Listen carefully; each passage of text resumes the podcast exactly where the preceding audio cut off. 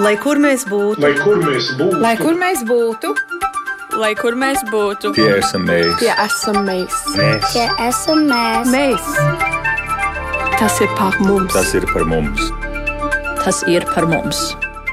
Esiet sveicināti jaunajā gadā, esiet sveicināti pirmdienā. Jā, tas ir mazliet neierasti, bet no šī gada raidījums Globālais Latvijas 21. gadsimts pie klausītājiem un skatītājiem nāks tieši pirmdienās. Un tās tad arī ir vienīgās lielās izmaiņas, jo viss pārējais ir palicis nemainīgs. Tieši tāpat kā pērn, arī šogad raidījums tieši raidē ir skatāms Latvijas Rādio 1 mājaslapā un arī Latvijas Rādio YouTube kontā.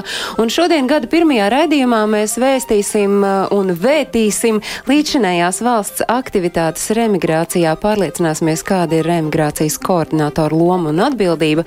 Skaidrosim arī to, kāpēc ģimenes nespēja iedzīvoties un emigrē otrais, un kāpēc Latvijai ir būtiski izstrādāt ekonomiski pamatotu remigrācijas politiku. Tas tāpēc, ka mēs studijā esam aicinājuši vidas aizsardzības un reģionālās attīstības ministrijas pārstāvi, un ņemot vērā, ka studijai straujiem soļiem tuvojas arī strateģiskās plānošanas eksperts, lūkosim, kā demogrāfijas akūto iztrūkumu daļēji var risināt remigrāciju. Studijā esam aicinājuši Iju Grozu, remigrācijas koordinātori Vidzemes plānošanas centrā. Labdien, jaunajā gadā! Labdien, jaunajā gadā un labdien arī uh, atkārtoti redzījumā Globālais Latvijas 21. gadsimts. Vides aizsardzības un reģionālās attīstības ministrijas reģionālās politikas departamenta direktors Raivis Bremšmits ir šeit studijā. Sveicināti! Labdien! Un arī laimīgi jauno gadu visus tos darbus paveicot, kas ir jāpaveic.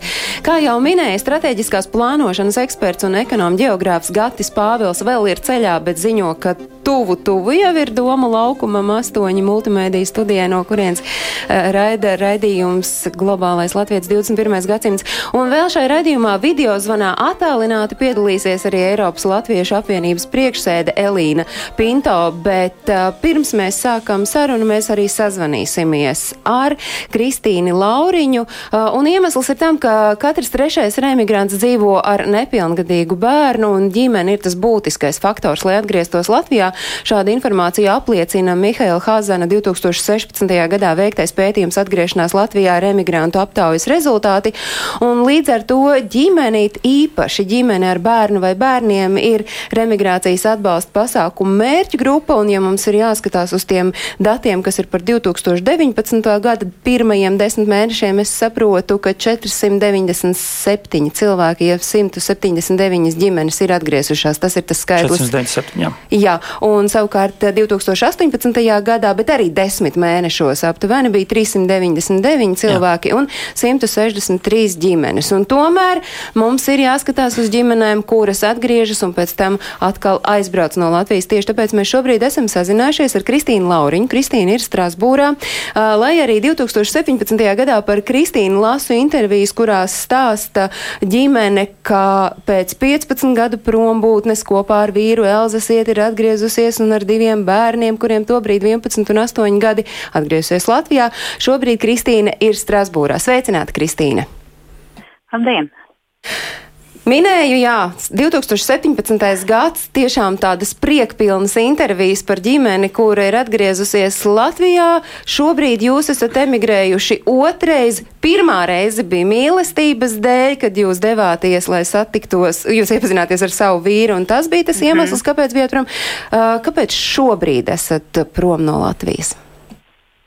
Jā, nu mēs esam atpakaļ ģimenes otras puses dzimtenē, jo, nu, diemžēl nu, tā, tā realitāte ir tāda, ka lielai, lielai daļai cilvēku ir grūti dzīvot projām no dzimtās vietas. Un, un manam vīram bija ļoti, ļoti grūti, un arī mūsu bērniem. Tā, tā pati mīlestība vien arī motivēja otro emigrāciju, diemžēl. Bet kāds bija tas laiks, ko jūs, kāds bija tas laiks, ko jūs pavadījāt šeit Latvijā? Kāds tas bija jums pašai, kāds bija jūsu bērniem? Jūs pati strādājāt eh, Cēsu jaunajā skolā, pasniedzāt franču valodu, bērni mācījās drustu tautskolā, un tomēr kāds bija tas laiks gan arī kā ģimenei kopā jums šeit Latvijā, ko pavadījāt? Um, es jau esmu teikusi, ka tas ir bijis skaistākais gads manā mūžā. Jo um, tas bija piepildīts, tas bija brīnišķīgs, viss, viss visās izpausmēs, lai arī grūts, protams, jo jebkuras pārmaiņas ir grūtas, bet, um, bet laikam, nu, tā atskatoties, man jāsaka, ka varbūt es biju pārāk koncentrējusies uz sevi un uh, varbūt par maz iedziļinājos arī nu, kopējā ģimenes labumā, jo man likās, ja man ir labi, tad visiem ir labi. Bet, Kas bija Kristīna? Kas bija Kristīna? Kristīna, kas bija tas grūtākais, nu, varbūt jūsu bērniem? Skaidrs, ka vīram varētu būt vēl citi iemesli, bet ja mēs par bērniem runājam, jo vis, viens pieļauju domu, viens Jā. no iemesliem, kāpēc jūs arī atgriezāties, bija bērni. Jā, jā, bet patiesībā viņiem tie iemesli bija vieni un tie paši. Būt projām no ģimenes, nu, no tās ģimenes, kas viņiem ir šeit, Francijā. Vecvecāki un, un, un citi un, un draugi. Un varbūt arī tas, ka viņi bija jau pišķi pa lielu, lai gan tas, tas, protams, ir ļoti individuāli. Jo es... tā būšana projām no savas ierastās emocionālās vidas, man liekas, ka tas ir tas grūtākais.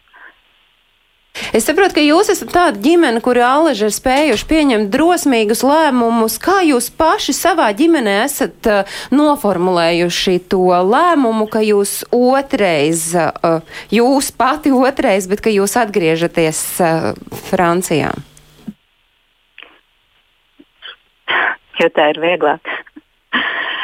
jo, nu, tieši, tieši tā, jo. Uh, jo tā ir vieglāk uh, vis, visiem kopā. Lai arī man, protams, priekš manis tas bija ļoti, ļoti, ļoti grūti. Un, un es tikai tagad, nu, kad jau ir pagājis pusotrs gads, nu, sāku maz pamazām tikai pieņemt šo ideju, ka es esmu šeit atpakaļ. Bet, um, mēs, nu, arī tagad mēs esam šeit atpakaļ, bet tas nenozīmē, ka mēs neatgriezīsimies, ka mēs neatgriezīsimies nekad Latvijā. Mums Latvijā paliek, ir, ir māja, mēs tur nopirkām māju, un mēs, mums joprojām nu, tur ir daļiņa mūsu. Bet eh, sakiet, es tā arī saprotu, ka jūs eh, visu savu mūžu un arī jūsu ģimene būsiet tādi, kur ir ar vienu kāju Francijā un ar vienu kāju Latvijā. Bet, ja mēs tā raugāmies uz tiem atbalsta pasākumiem, ka, kas šobrīd valstī tiek piedāvāti tiem, kuri atgriežas, ja, ja jāskatās uz to kopumu, Kam tur būtu varbūt jāmainās, lai jūs tomēr atgrieztos un sauktu par mājām Latviju? Mm. Vai tam nav šajā gadījumā nozīmes un šeit drīzāk ir tā, tā emocionālā piesaiste? Es, mūsu gadījumā pilnīgi noteikti tam nav nozīmes, jo es biju gatava iet tam visam cauri, pati visu uzzināt, pati visu saprast.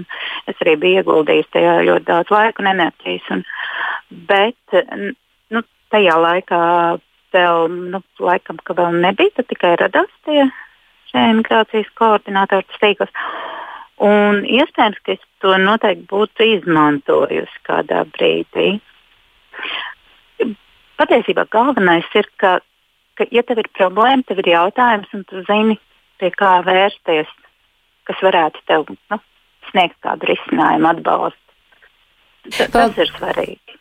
Tātad tas ir svarīgi un paldies jums, Kristīna, jo šobrīd tādi cilvēki šeit Latvijā ir, kuriem var uzdot jautājumu un kuri sniegs atbalstu. Paldies, Kristīna, lai jums un jūsu ģimenei ir laimīgs šis jaunais gads un arī visi turpmākie jaunie gadi, lai kur arī jūs dzīve aizvestu un lai kuru no vietām jūs sauktu paši par savām mājām. Paldies, tā bija Kristīna Lauriņa no Strasbūras. Paldies, paldies. Kristīne 2017. gadā bija Latvijā ar domu, ka dzīve dzīvo šeit Latvijā, šobrīd ir atpakaļ Strasbūrā. Kas jums klātesošajiem ir piebilstams, un es sveicinu arī Gati Pāvilu ar pievienošanos studijas viesiem, par ko liecina otrreizējā aizbraukšana? Droši vien īja jums kā cilvēkam, kurš dien dienā strādā ar tiem cilvēkiem, kuri atbrauc un pilnīgi iespējams aizbrauc. Par ko liecina šī aizbraukšana? Jā, un patiesībā jau arī Kristīna savā, savā intervijā pieskārās šim jautājumam. Cilvēkam pirms braukšanas uz Latviju ir noteikti jāizplāno un jābūt nu, daudziem soļiem priekš, daudz maz sapratnē, ko es darīšu, kā jutīšos es, kā mana ģimene. Tas, tas kopskats ir jāredz. Ir viena lieta, ka cilvēki to nu, neiedomājas vai, vai neredz, un īsti nu, nav tāds tālākais redzējums e, plānošana, jo cilvēki nopietni domā, lai atgrieztos. Tas nav viens dienas, pat viena gada lēmums. Ir, ir ilgākam laikam. Tā ir viena lieta, šī, šī pašu gatavība, cik viņi ir gatavi un ierodoties šeit. Un otra gatavība, protams, ir viena lieta uh, plāno, bet uh, realitāte ir tāda, kā tā ir.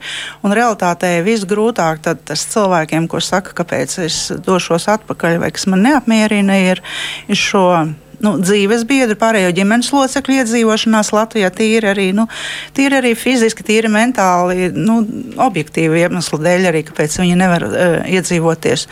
Otrs ir arī bērniem ir Dažādi bērni arī no dažādām vidēm, dažādām kultūrām nākuši iedzīvoties skolā.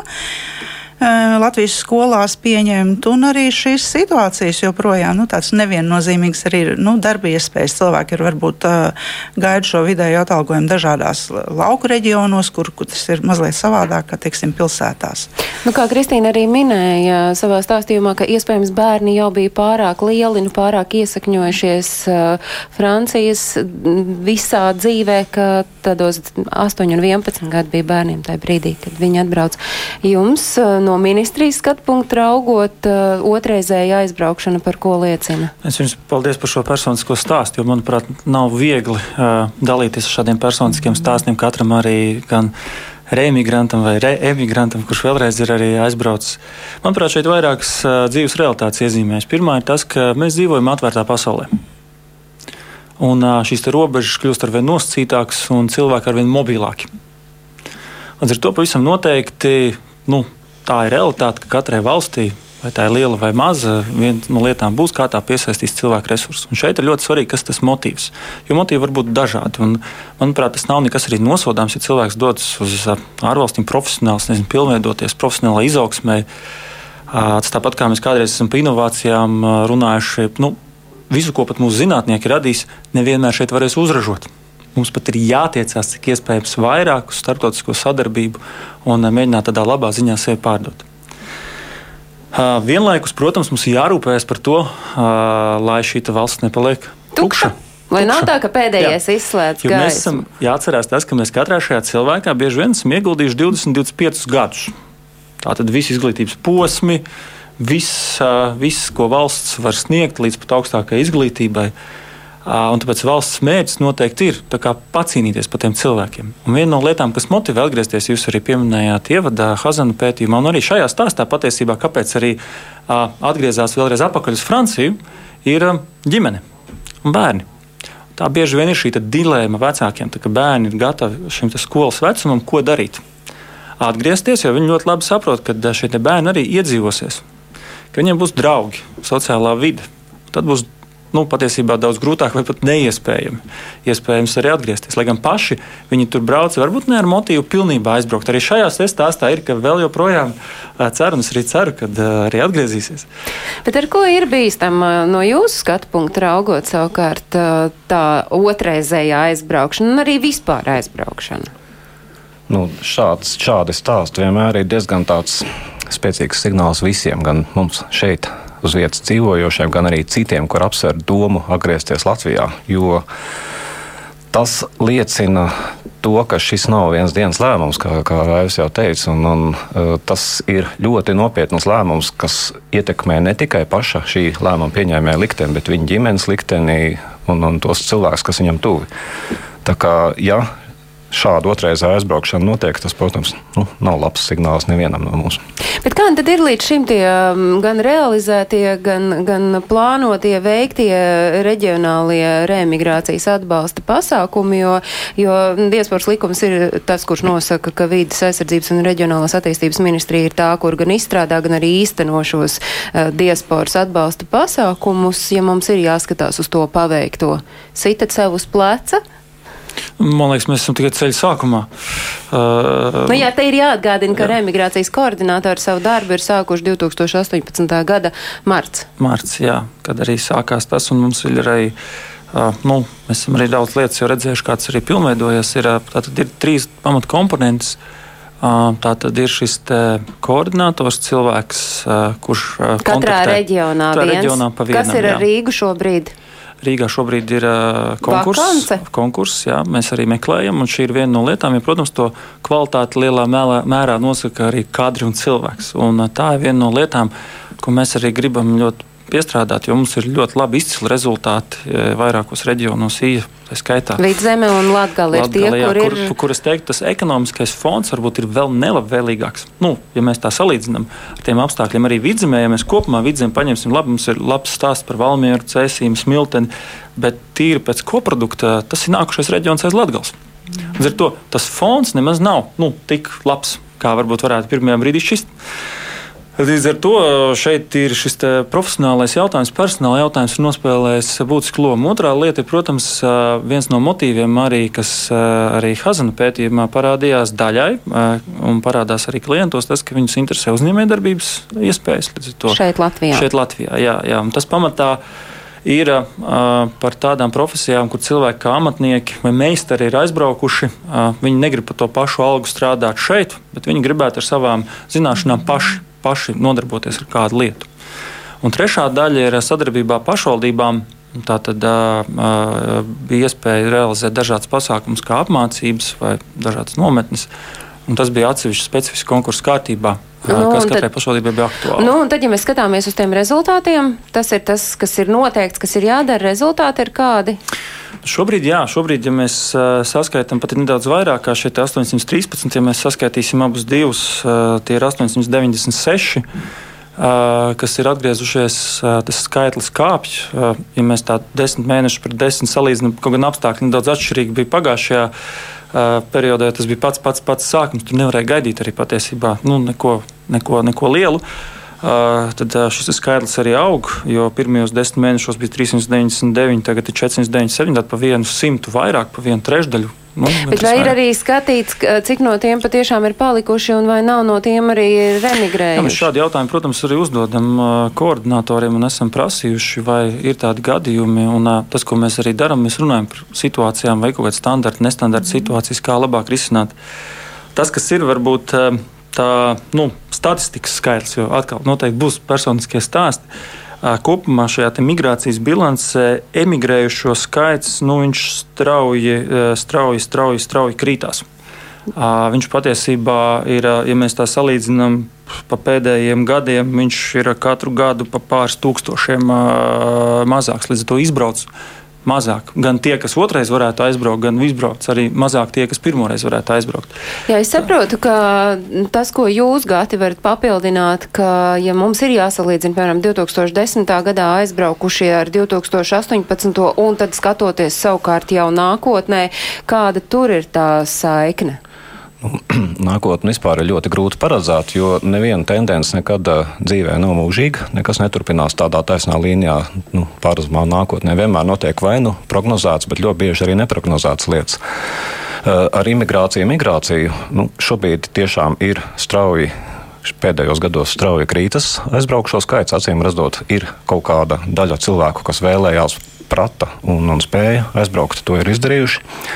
Un, un acīm redzot, nākamā paudze vairs tik, tik izteikti neplāno aizbēgšanu, aizmukšanu, aizbraukšanu. Eh, mainās arī kopējā situācija, robežas ir atvērtākas un aizvien lielākas iespējas ir darīt labi apmaksātu darbu šeit uz vietas, kas tiek apmaksāts no citas valsts un līdzīgi risinājumi. Arī tas palīdz daudzās situācijās. Bet, Runājot arī par migrācijas un imigrācijas bilanci, šeit jāsaprot, ka aizbrauc vieni, atbrauc citi. Arī tā ir izteikta tendence. Jo Mēs paši redzam šos ciparus, tie ir simti, ne tūkstoši, kas atgriežas nu, Latvijas pilsoņi vai, vai bijušie vai topošie.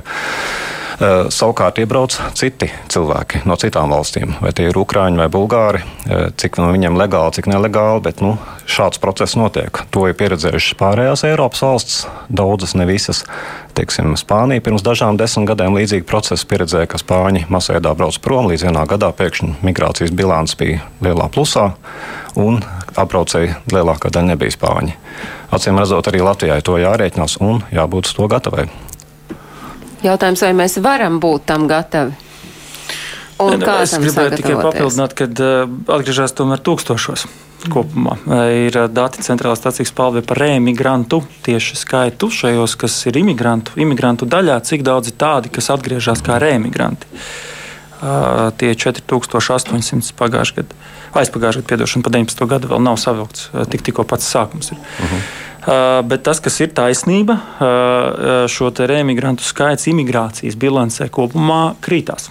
Un 18. gads ir pirmais gads, kad uh, imigranti no ne reimigrantiem, proti, arī ļoti daudz ir no ārpus Eiropas Savienības dalībvalstīm, uh, ir uh, vairākumā.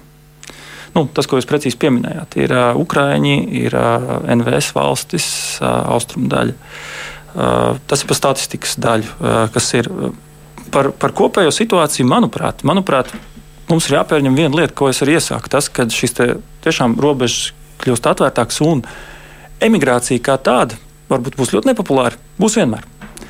Tieši tāpat kā dabiskais bezdarbs. Nav iespējams panākt, kad ir simtprocentīga nodarbinātība. Ir jābūt diviem, trim procentiem. Viņiem ir jābūt. Cilvēki maina profesijas, mainās uh, cikls. Līdz ar to dabiskā emigrācija, nu, tas gan ir darbs, es domāju, pētniekam, šis jauns fenomens, manuprāt, lielā mērā arī būs. Uh, kas ir dabiskā emigrācija kā tāda? Kas ir tā dabiskā aprite? Ja es esmu jaunietis, kurš grib, nezinu, kā jau pieminēju, zinātnē vai vēl kaut kur sasniegt, nu, visdrīzāk, ka man pat būs tās jābrauc projām Uh, nevis tāpēc, lai aizbēgtu, bet tikai tāpēc, lai profesionāli augtu. Tas, kas mums ir svarīgi, mums ir svarīgi. Vai jautājums, vai viņš atgriezīsies? Jā, kurā brīdī mēs varam piedāvāt kādas iespējas, lai attiecīgi šis jaunietis, jaunietis atgriežas. Tas, kas mums šobrīd, ja drīkst ātri 30 jā. sekundes, tas, kas mums, protams, ir laiku. jā, tas, kas ir fons, ir šie desmitais gads, kas bija uh, ekonomiskā emigrācija. Nu, tā notika. Un tāpēc viņi noteikti ir savādāk arī šī reemigrācija šobrīd nekā tā, kas varētu būt arī pēc desmit gadiem. Nu, proti, fonā ir tas, ka 2010. gadā Latvijas, no Latvijas aizbrauca no nu, aptuveni droši vien 35 tūkstoši iedzīvotāji. Skaidrs, ka tas ir kaut kā tagad jāsalāgo. Bet no kā ir atkarīgs aiz, aizbrauks un atgriezīsies vai aizbrauks un paliks? Šis ir tas jautājums, ko es vēlos uzdot Eiropas Latviešu apvienības priekšsēdē Elīnai Pinto, jo Elīna visu laiku arī uzmanīgi klausās mūsu sarunas. Sveicināti, Elīna, un laimīgi jauno gadu! Jā, labdien! Sveiciens visiem! Nu, tad jūsu, no jūsu skatu punkta raugot, no Eiropas Latviešu apvienības priekšsēdes skatu punkta raugot, eh, aizvadītais gads un eh, remigrācijas eh, politika, tās veidošana šeit Latvijā, kas ir tas, nu, ja mēs varam sākt ar labo ziņu un tad ar slikto, vai dariet, kā jums pašai labāk tīk? Eh, kopumā runājot par eh, diasporu un remigrāciju, man gribētos tomēr, ka mēs pārējām jau uz tādu eh, jaunu veidu domāšanu, uz to, ka šī ir ne tik, nevar pastāvēt atrauti tikai diasporas politika vai remigrācijas politika.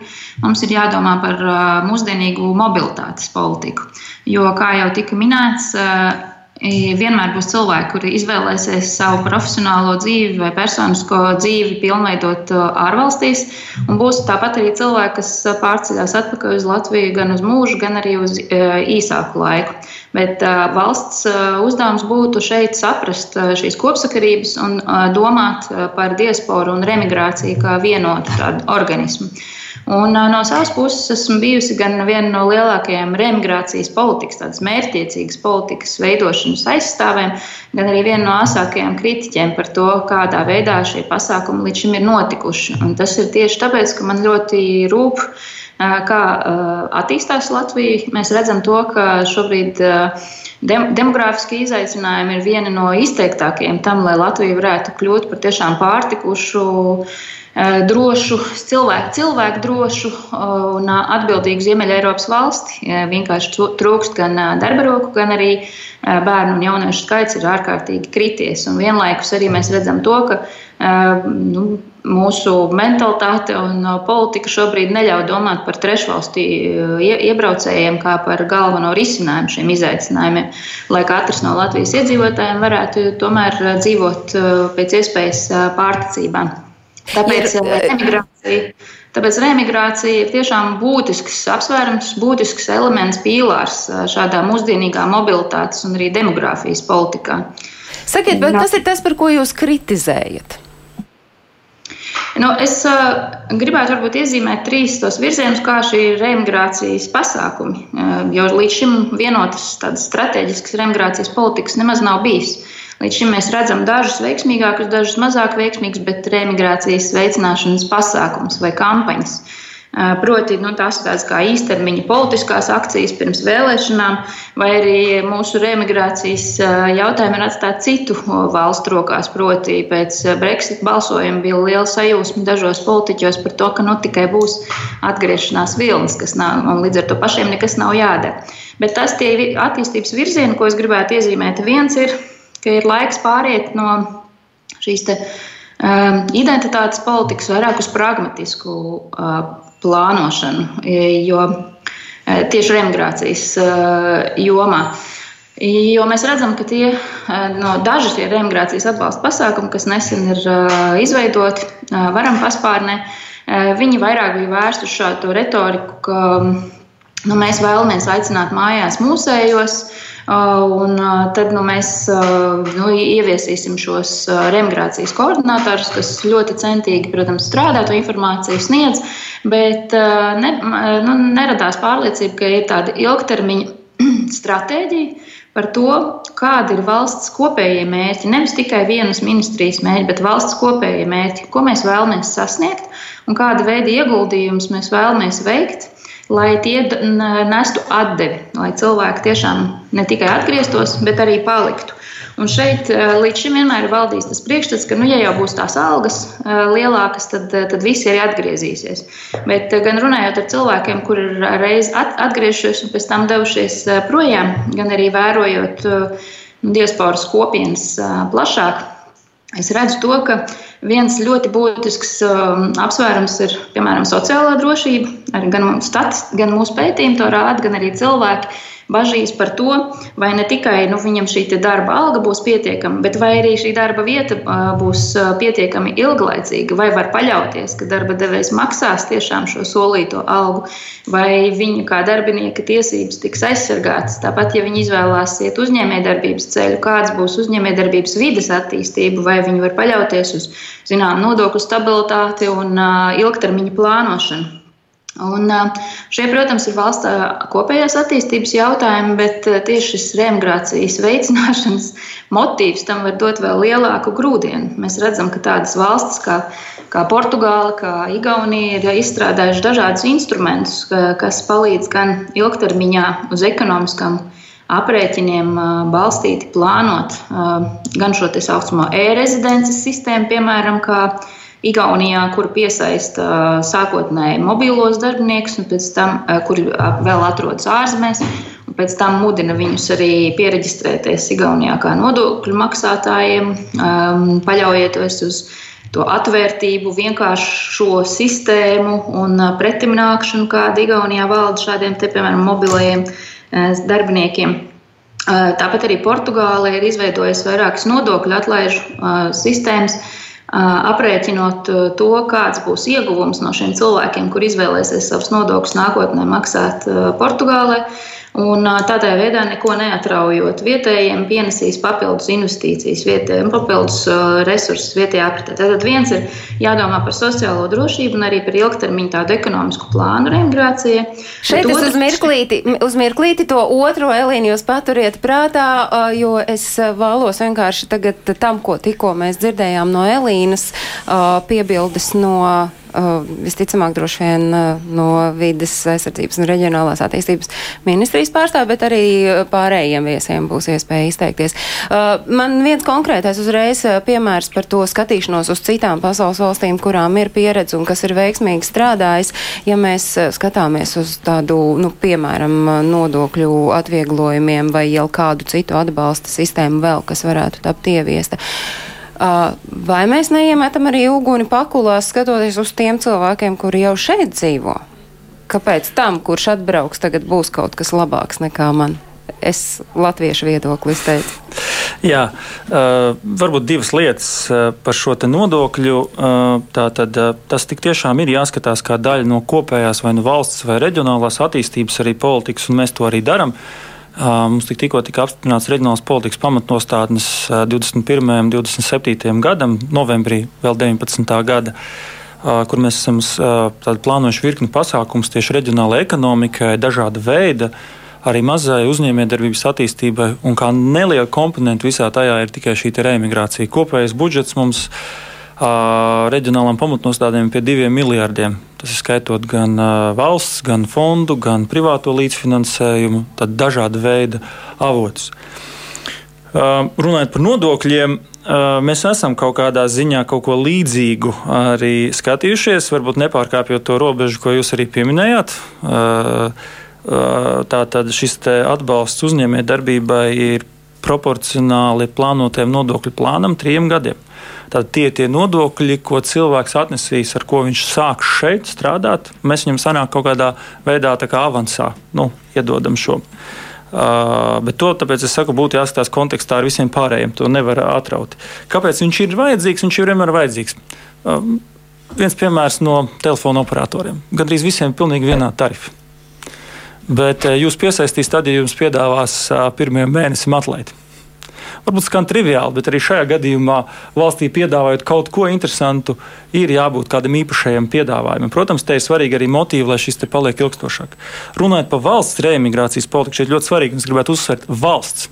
Šobrīd šis ir tik tiešām vienas ministrijas. Un nu, tas arī ir caur reģionālo kampaņu veidīgi. Nu, šobrīd jau gadu, neteikšu, ka kampaņu veidīgi, mēs arī ceram uz pastāvīgu šo pasākumu. Tomēr. Uh, bet ir svarīgi valsts un kāds ir kopējais mums tik tiešām skatoties uz diasporas politiku, kāds ir šis kopīgais mērķis un kā tas mums kalpo kā palīgs reimigrācijai, valsts reimigrācijas politikai. Tas ir tas, kas šobrīd arī ārlietu ministrijā ir izveidota darba grupa, noritēs darbs, tas jāskatās.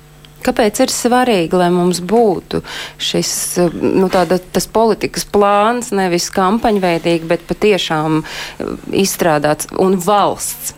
Nu, es domāju, ka daļa atbildes jau ir pašā jautājumā, jo lēmums par pārcelšanos dzīvot uz nu, uz Latviju. Tas ir ilgtermiņa lēmums, un, protams, ka kampaņu veida pasākumi nekādā veidā nevar šim ilgtermiņa lēmumam palīdzēt, jo cilvēks tam neticēs. Uh, viņš cilvēks spēj noticēt kaut kam, kas ir ilgtermiņā. Jūs ikdienas dienā satiekat cilvēkus, kuri pieņem šādu vai tādu lēmumu.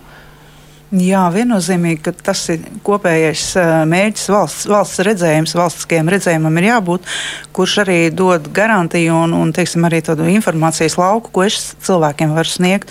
Un cilvēki arī tieši to prasa, kāda man ir garantija, kāda man ir drošība, ka es atgriezīšos vai kaut kas nemainīsies pēc laika. Bet, ja ir šāds uh, oficiāls dokuments, valsts mērķis, ko mēs ejam, tad tā ir drošība gan viņiem, gan arī man, kas sniedzot viņiem pakalpojumu. Nu, Tostarp arī šī sociālā drošība, ko pieminēja Elīna. Jā. Savā stāstījumā. Elīna, mēs atkal ar jums, un tagad par otro punktu ir tā iespēja jums stāstīt. Jā, un otrais varbūt būtu pat vēl svarīgāks kā pirmais, jo es vēlos no ekonomikas pāriet pie, tā, pie cilvēciskā. Un uh, cilvēciskais faktors ir tas, kas cil, tiem, kuri atgriežas, uh, ir ārkārtīgi būtisks. Domājot gan par to, kā viņi bērni iekļausies Latvijā, gan arī par to, kā pašiem izdosies ikdienā iedzīvoties. Un Latvijā, diemžēl, joprojām ir grūti ar tādu iekļaujošu un atvērtu attieksmi pret dažādību. Mēs redzam to, ka skolās ir ārkārtīgi augsts vardarbības līmenis starp nu, rādītājiem, starp pašiem bērniem un jauniešiem neiecietība pret dažādību, vai arī nu, vienkārši arī pedagogiem trūkst apmācības un metodikas darbam ar, ar bērniem, jauniešiem, kuri nāk no citas vides, kuriem varbūt ir nu, cita dzīves pieredze, cita ādas krāsa, citāda veida valodas zināšanas. Ja attiecībā uz valodu vēl tiek spērti soļus priekšu, un varbūt nepietiekami, bet tomēr tiek sniegts šī atbalsts valodas apguvēja tad šī iekļaujošā pieeja dažādībai, tas ir tas, kas ir ārkārtīgi svarīgs. Un šeit būtu svarīgi domāt arī par psiholoģisko atbalstu ģimenēm. Un pašiem bērniem un jauniešiem gan vēl sagatavojoties pirms atgriešanās Latvijā, gan arī pēc tam sekojot tam, kā cilvēki iekļaujas. Jo arī kā Kristīna jau pieminēja savā stāstā, Mēs nereti pieņemam lēmumus, nu, parasti tās ir mammas, latviešu sievietes, kas ir aizprecējušās zārzmē, kurām sirds ļoti velk atpakaļ, bet mēs atgriežamies Latvijā, tā ir mūsu dzimtā zeme un bērnības atmiņas un viss, kas mums ar to saistīts, ir dārgs. Un mūs varbūt sākotnēji nes tādā pacēlumā, bet mūsu dzīvesbiedriem, īpaši jaukta ģimeņa gadījumā un bērniem, tā ir, tā ir pārcelšanās. Tas ir liels šoks no, tieši no psiholoģiskā un ieiešanās viedokļa.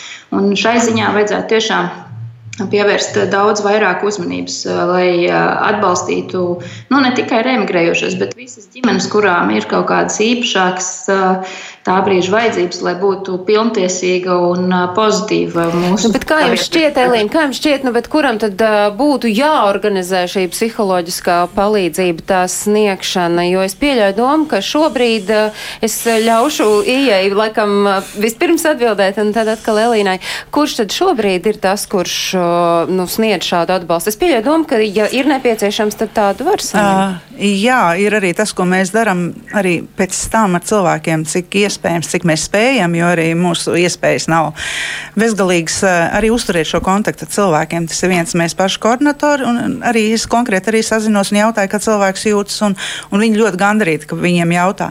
Tad ir otrs, ir tas, ko jau pieminēja šie pašvaldību konkursi, tāpēc arī šie pašvaldību konkursi, kurām mēs mudinām un aicinām pašvaldības tiem cilvēkiem, kuri ir atgriežušies konkrētajā pašvaldībā, viņiem šie tikšanās vakari, šiem viņiem ne tikai valodas apmācības, bet tāda integrēšanās, sabiedrības iekļaušanās pasākumi. Un tādi jau arī notiek vairākās pašvaldībās, arī vidzemē, kas iegūja, gada nogalē notika. Ir šīs vajadzības, ir noteikti vajadzības, jā, šis psiholoģiskais atbalsts.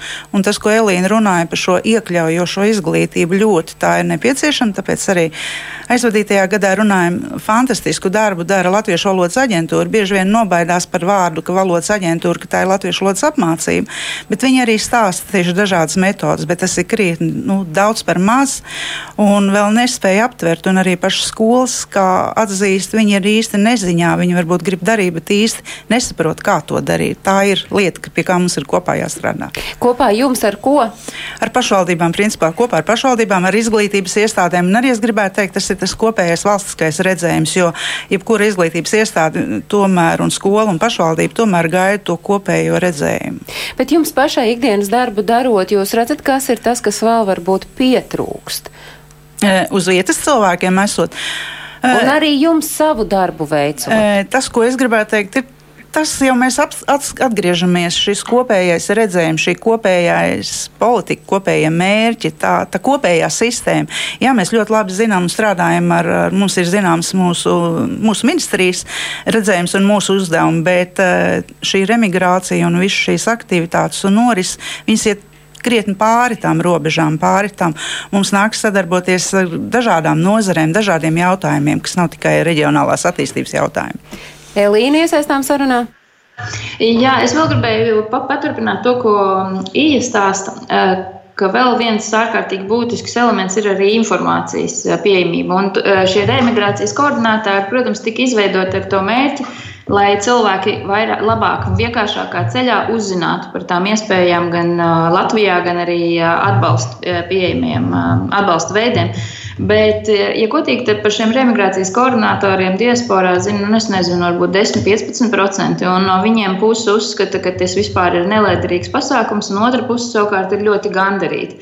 Un, uh, daudz, uh, Man, manuprāt, vienkārši mums ir jāpāriet no tādas mirkļa domāšanas, no tādas projekta domāšanas uz kopēju skatu. Ja valstī ir tāds mērķis cilvēkiem sniegt informāciju par to, kāda ir dzīve Latvijā, tad ir gluži vienkārši jāsakartē visas tās institūcijas, kas šobrīd haotiski sniedz kaut kādu informāciju. Man pat šo, šodien jau vēl zvanīja arī piemēram, no vienas pašvaldības cilvēki, ka viņi gribētu aicināt tagad savus novadniekus atpakaļ. Bet kā lai viņi sadabo kontaktus, piemēram, cilvēkiem Vācijā, kurus uzrunāt? Tad mēs redzam dažādas kampaņas ik pa laikam kaut kur parādās. Ārlietu ministrijas sniedz informāciju, vēstniecības un LIA un citi, bet vai visām šīm iestādēm ir vienots tāds skaidrs skatījums, kā un kurā brīdī cilvēku uzrunāt. Jo nereti ir arī tā, ka ja, pagājušā gada beigās, manuprāt, bija tāds ironi, tāda mazliet kurioza situācija, ka varam šķiet nebija pietiekami apzvanīti cilvēki, nevarēja ierakstīt atskaitē, cik nu tad šie cilvēki ir uzrunāti, un pēkšņi tiek iepirkts pakalpojums no kādas aģentūras, kurš piedāvā loteriju. loteriju. Diasporas mēdījos parādās loterija, vinnē avio biļeti uz Latviju, ja tu sazināsies ar remigrācijas koordinātori. Un, Tiešām kaut kas tāds bija? Studijas viesi saka, ka tas laikam nedaudz citā kontekstā būs bijis. Tas bija 18. gadā, nevis pagājušajā gadā. Tas bija 18. gadā. Tā, kad tikko izveidoja šo, jā, šo programmu, tas bija 18. gadā. Un tas bija par uh, skatījumu skaitu un arī uzņēmējdarbības atbalstu. Tas, tas, tas, Tas jau apliecina tikai to vienu, ko Elīna arī saka, nu, ka ir pārāk daudz to gribētāju uh, palīdzēt, uh, uzlabot uh, iedzīvotāju skaitu šeit Latvijā. Un, lai pēc iespējas vairāk cilvēku atgrieztos, bet uh, arī tās savstarpējās komunikācijas uh, iespējams uh, pieklibo. Te es uh, gribētu jautāt, uh, jums, Gati, kā strateģiskas plānošanas ekspertam, jūs tagad esat dzirdējis gana daudz un arī zināt gana daudz par šo tēmatu. Kā panākt, lai nebūtu šīs sadrumstalotības, lai būtu sistēma, lai cik tas traks vārds arī neskanētu un neierobežotu, kas, ko darīt visiem tiem, kuri ir atbildīgi par, par šo tēmu? Nu, pirmkārt, jau ir tā, ka nekad arī eh, nevienā valstī nav tāda pilnīga kārtība un absolūta hierarhija šādos jautājumos. Otrs, ir plaša, šī ir ļoti plaša tēma, kas skar arī mūsu pašu šeit dzīvojošos, iekļaujošu sabiedrību, Elīnas pieminētām. Tas attiecas uz jebkuru no mums šeit dzīvojošiem, cik mēs esam gatavi pieņemt citādu, cik mēs esam gatavi viņu uzskatīt par savējo, nevis norobežoties un uzskatīt viņu par svešu. Tas ir tāds varbūt negluži stratēģija atbild, bet vairāk nu, cilvēciska atbilde. Tas jau ir jautājums mums katram pašam sev. Kādu mēs vēlamies nākotnes Latviju un mēs, ko mēs sagaidām, kas tur nākotnē dzīvos. Un kāpēc mums skatoties Latvijas nākotnē ir ārkārtīgi svarīgi, lai atgrieztos ģimenes ar bērniem?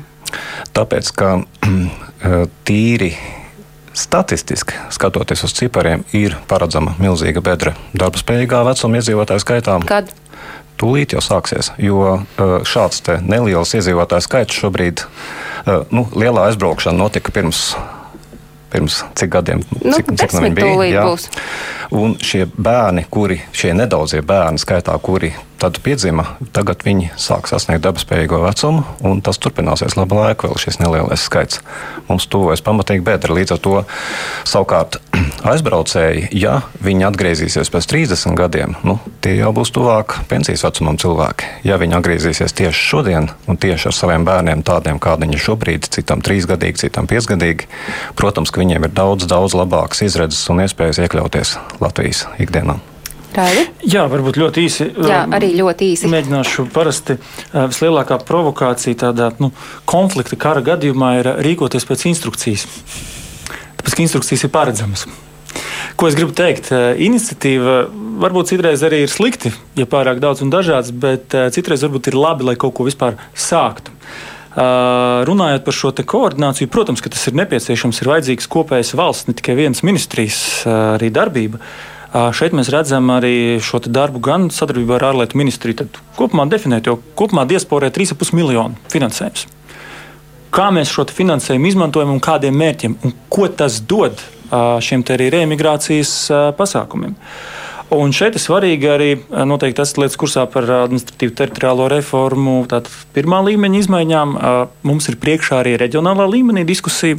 Diskusija ar ministrijām par funkcijām iespējamām, par eh, uzdevumiem, ko reģionu kopumā varētu darīt. Līdz ar to runājot par šo koordināciju, ka varētu vairākas lietas varbūt sakoordinēt daudz veiksmīgāk kopā reģionā, tad nu, tas ir tas darbs, kas mums arī sagaida, pārskatot šo reģionu administrācijas kā tādu. Darbu. Tas, tas neatiecās tikai uz šī gada darbs. Ja šis ir šī gada, tas ir to, viena šis... no lielajām arī reformām. Mēs tātad ministrijas kopējais plāns ir pirmo pabeigt šo pirmā līmeņa, un tad arī uzlabot šo otrā līmeņa pārvaldi. Un pats noslēdzošais. Jā vienmēr visu nosaka noteikti personāls un kadri. Tāpēc es domāju, katra pasākuma un darba veiksmi ir tad, ja mēs atrodam labus labu personālu un cilvēku, kas to dara. Un arī eh, saistībā ar eh, reģionālajiem remigrācijas koordinatoriem, te ir tas, cik šis cilvēks atbildīgi un no visas sirds dara savu darbu, tik daudz arī droši vien viņu sadzird ārpus. Elīna, noslēguma vārdu raidījums tuvojas ļoti straujiem soļiem beigām. Paldies! Jā. Divas lietas. Viens, es aicinātu politikas veidotājus beidzot ieviest tos neko nemaksājošos remigrācijas veicināšanas pasākums, kas jau ir diasporas likumā. Tas ir viens ir saistīts, kas nav, nav vēl ieviests. Ir ar profesionālās kvalifikācijas atzīšanu ārvalst, ārvalstīs, ārvalstīs spe, nu, specializācijai. Un otrs ir arī neizmest mēslainē tos cilvēkus, kuri varbūt neietilpst kastītē jaunieši ar bērniem, bet gan seniori, kuri pēc statistiski ir visgatavākie atgriezties Latvijā. Un šeit būtu jā, jānoved līdz galam arī viņu ārvalstu pensiju neapliekamā minima aizsardzības jautājums. Un otra lieta ir domāt plašāk. Tātad viens saprast, ko mēs visi kopā Latvijā esam gatavi darīt un kāpēc. Un otrkārt, ir jādomā arī Eiropas līmenī, jo mūsu mobilitātes izaicinājumi lielā mērā saistīti ar cilvēku plūsmu starp Eiropas valstīm. Bet Eiropas Savienībā šobrīd ir jau 4% iedzīvotāji šie mobīlie Eiropas pilsoņi, un tiek likti pamati Eiropas mēroga politikai mobilitātes jomā. Latvijas interesēs būtu veidot aliansi ar citām līdzīgām valstīm, kā Horvātija, kura, piemēram, šogad jau iezīmējusi mobilitāti un demogrāfiju kā vienu no savām prioritātēm prezidējošās valsts statusā. Rumāniju, Bulgāriju, Lietuvu, Igauniju un citām valstīm, un kopīgi virzīt arī uz Eiropas vienotu izpratni par to, kā gan valsts var nezaudēt cilvēkos ieguldītos resursus, gan arī cilvēki individuāli var justies brīvi, izvēle, savu izvēli veikt arī par labu savai dzimtajai zemē. Paldies Elīnai Pinto, Eiropas Latviešu apvienības priekšsēdēji. Skatoties uz 2020. gadu, jūsu tie tuvākie plāni un vēlamie Tī, noteikti es šī gadā arī stiprināšu sadarbību ar pašvaldībām un tādā reģionālā kontekstā, reģionālā līmenī. Tas ir ļoti, ļoti būtiski. Un, e, lai cilvēki jūtas gaidīt, jo viņi atnāk konkrēti uz konkrētu pašvaldības, konkrētu vietu, nevis uz reģionu. Tas ir mans arī lielais darbs un šī gada izaicinājums. Un varbūt, ka jums savukārt uh, gata ir ideja, kā savukārt mēs varētu uh, pēc iespējas plašāk apziņot uh, diasporas pārstāvis par šādu remigrā, remigrācijas koordinātoru eksistenci šeit Latvijā. Jā, nu mēs ar Elīnu agrāk esam runājuši par dažādiem plāniem, kā vispār palielināt šo mūsu tautiešu apziņošanu ārvalstīs. Tur nav vienkārši risinājumi, bet nu, noteikti par to vajadzētu domāt. Mēs ar Elīnu noteikti turpināsim dialogu. Labi, mēs jums ar Elīnu ļausim domāt un, un spriest, un savukārt no ministrijas skatu punkta raugot, eh, tas 2020. gads nebūs viegls, lai izpildītu visus tos šī raidījuma 40, nu, nedaudz vairāk minūtēs vien izskanējušos, uh, izskanējušās idejas vai darbus, kas ir jāpaveic. Nu, neviens gads nav bijis viegls. Parasti tīpaši gada sākumā ir daudz apņemšanās.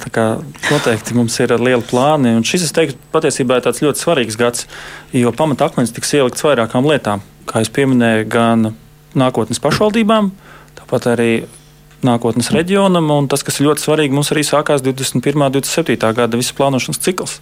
Tas ir kopumā par valsts attīstību runājot, es teiktu, ka 20. gads ir ļoti, ļoti, ļoti būtisks. Un tad, lai izdodas visus tos plānus, kas jau ir ieskicēti, ko paveikt līdz 2027. gadam, jo kas te ir ieskicēts uh, 8000 remigrantu un 140 remigrantu uzņēmumu, tas ir tas, kas līdz 2027. gadam ir nosprausts plānos. Es saku šodien paldies šodienas ciemiņiem, un uh, tie bija studijā, bija remigrācijas koordinātori Vidzemes plānošanas reģionā Ija Groza, studijā bija strateģiskās plānošanas eksperts Gatis Pāvils un Raivs Bremšmits, vidas aizsardzības un reģionālās attīstības ministrijas reģionālās politikas departamenta direktors. Paldies jums, klausītāji, ka bijāt šodien kopā ar mums, kā jau ierasts visus tos svarīgos notikumus, kas notiek ārpus Latvijas. Jūs varat meklēt notikumu kalendārā portālā latviešu.com facebook.com. Tur jūs varat arī skatīties raidījumu globālais Latvijas 21. gadsimts. Raidījuma atkārtojums skan tāpat kā arī līdz šim svētdienās uzreiz pēc ziņām trijos, bet mēs ar jums tiešraidē šeit no Doma laukuma astoņi multimēdiju studijas tiksimies nākam pirmdien 15. un 5. Lai visiem ir izdevusies pirmā pilnā šī gada darba nedēļa un, protams, lai visiem ir veiksmīgs 2020. gads. Tiekamies pēc nedēļas pirmdienā. Atā.